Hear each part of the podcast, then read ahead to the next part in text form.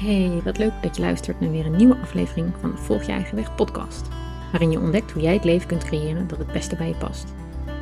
In dit nieuwe seizoen start ik met het delen van fragmenten uit mijn boek Volg je eigen weg. Zo krijg je een beeld van de inhoud van het boek.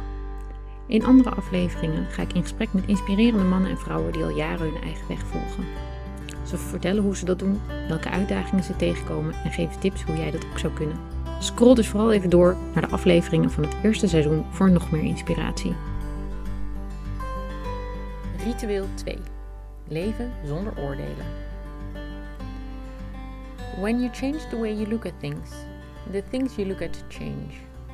Wayne Dyer. We worden allemaal geboren als mens en toch gaan we in de loop van de tijd allerlei labels op elkaar plakken. Door het werk dat we doen, het soort relatie dat we hebben of het feit dat we geen relatie hebben, de plek waar die vandaan komen of onze huidskleur. We zijn het gewend oordelen te hebben over elkaar en aannames te doen. Maar uiteindelijk zijn we allemaal mens en willen we als mens behandeld worden. Vaak is de eerste aanname die je doet gebaseerd op het werk dat iemand doet. Je creëert een beeld van iemand op basis van slechts één gegeven, terwijl iemand zoveel meer is dan dat. In de tijd dat ik in het toerisme werkte, probeerden we onze gasten niet te vragen: wat doe jij? We wilden liever met mensen zijn dan dat we een beeld van ze vormden door het werk dat ze deden als ze thuis waren. Op de een of andere manier ga je je daar toch naar gedragen.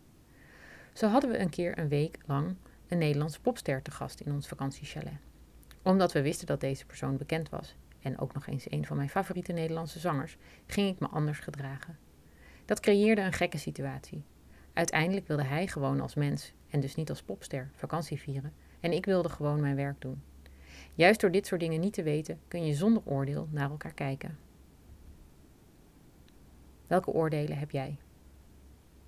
Als mens kun je je in alle situaties menselijk gedragen. Daarbij is het belangrijkste uitgangspunt in mijn ogen dat je een ander behandelt zoals je zelf behandeld wilt worden. Er is veel van invloed op hoe je je voelt en datzelfde geldt voor de mensen om je heen. Zo kunnen collega's bepaald gedrag vertonen dat voortkomt uit de situatie thuis of een gebeurtenis uit het verleden. Vraag dus eens hoe het echt met iemand gaat, in plaats van de ander alleen te beoordelen op het gedrag dat hij vertoont. Menselijkheid gaat ook over hoe je met mensen omgaat die anders zijn dan jij. Anders omdat ze een andere achtergrond, huidskleur of status hebben. Ben jij in staat om iedereen gelijk te behandelen en te zien als mens? Leven zonder oordelen gaat erover dat je blijft kijken naar de ander als mens en niet als een label wat jij op hem plakt. Weet dat jij altijd reageert vanuit jouw zienswijze en de ander altijd vanuit de zijne. Daarom is het logisch dat je een ander soms niet begrijpt. Maar oordelen gaat verder dan het oordeel dat je over iemand hebt. Je kunt ook oordelen hebben over de wereld om je heen of over jezelf. Zo vond ik de wereld jarenlang stom en had ik het gevoel dat ik hier niet thuis hoorde. Maar juist door die oordelen zo hard uit te spreken en eraan vast te blijven houden, werd het natuurlijk ook niet anders. Ik bleef erin geloven en dus was het ook zo. In mijn ogen zijn er een paar oorzaken die invloed hebben op hoe je je gedraagt. Deze invloeden creëren stress en daardoor ga je rare dingen doen. Dat geldt niet alleen voor jou, maar dus ook voor de mensen om je heen. Als je iemand iets ziet doen wat je niet begrijpt of wat niet past bij die persoon of de situatie, helpt het om vragen te stellen, in plaats van te oordelen over dat wat je ziet. Juist door de vraag te stellen creëer je een brug naar de ander en brengt dat een verbinding tot stand die je niet kunt maken als je het oordeel tussen jullie in laat staan. Burnout, stress en depressie. Als je lekker in je vel zit kun je heel veel hebben. Dan gaan de dagen in een positieve flow voorbij. Toch zijn er steeds meer mensen die niet lekker in hun vel zitten en door een burn-out of depressie uit de running raken. Steeds meer collega's of vrienden van je en misschien jijzelf wel kunnen stress ervaren en daardoor soms rare dingen doen. Het meest zichtbare is vaak dat ze maar doorgaan en blijven zeggen dat het wel goed gaat of beter wordt. Maar soms lukt dat niet alleen. De Vlaamse psycholoog Dirk de Wachter stelt dat we de misère van het leven meer moeten omarmen en dat we daar open met elkaar over moeten praten.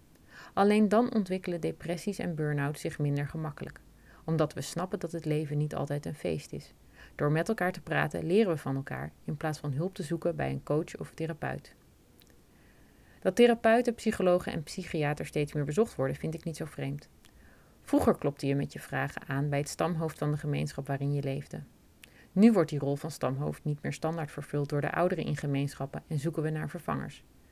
En dat terwijl je zoveel kunt leren van mensen in je omgeving die een aantal jaar ouder zijn. Gewoon eens een keer samen eten of wandelen en je verrijkt jezelf enorm. Ga dus eens in gesprek met iemand als je het gevoel hebt dat het met jou niet goed gaat. Of praat eens met iemand waarvan je denkt dat hij het nodig heeft. Dankjewel voor het luisteren.